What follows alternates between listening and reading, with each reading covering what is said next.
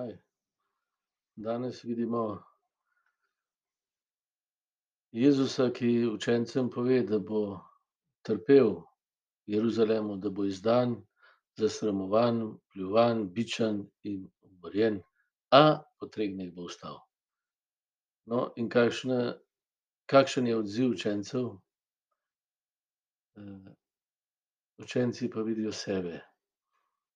Želijo se, da bi sedeli v veličastvu na desnici in levici. No, potem pa nadaljuje Jezus in pokaže to, kar se uresničuje pri vsaki evharistiji. Velika in izredna preobrazba naše življenje spremeni v svoje telo in kri. Najprej je izrečen ubiti in tako naprej. Doživi razočaranje, izdajo, prevaro, nasilje. Ko to mi doživljamo, smo vedno prepričani, da se nam godi krivica in se zapremo. Kako je pa Jezus odzval? Pa je po popolni krivici trpel, ker nobeden izmed nas ne trpi po čisto po po popolni krivici, morda nedolžni otroci. Kaj pa Jezus naredi? Uresniči neverjetno preobrazbo. Uporabi to nasilje, to, da je popredmeten, da je, da je popolnoma pasiven, da se z njim dela kakor s stvarjo, zato da da svoje življenje. Svojo pasivnost spremeni v aktivnost, se pravi, pasiven je, ker nas ljubi. Ne vrne zla, ki mu ga mi povzročamo.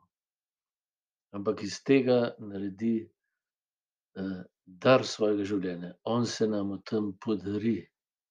Iz najbolj negativnega dogodka v zgodovini naredi najbolj pozitiven dogodek vse človeške zgodovine. Da križ kaže zastonjsko in brezpogojno božjo ljubezen.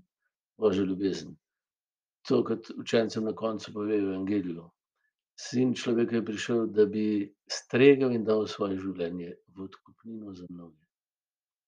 No, torej za to gre. In ta preobrazba Jezusova omogoča tudi našo preobrazbo.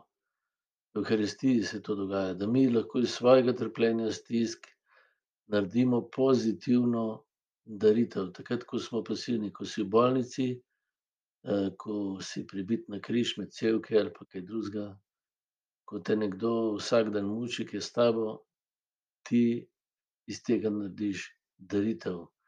Pravi, tisti, ki je s tabo, je tvoj brat.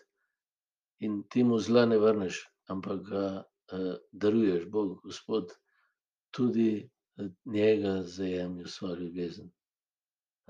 Izročam se temu, kar je, in podarjam svoje življenje, da bo ljubezni za vse. Ljubezen je pa podarjanje.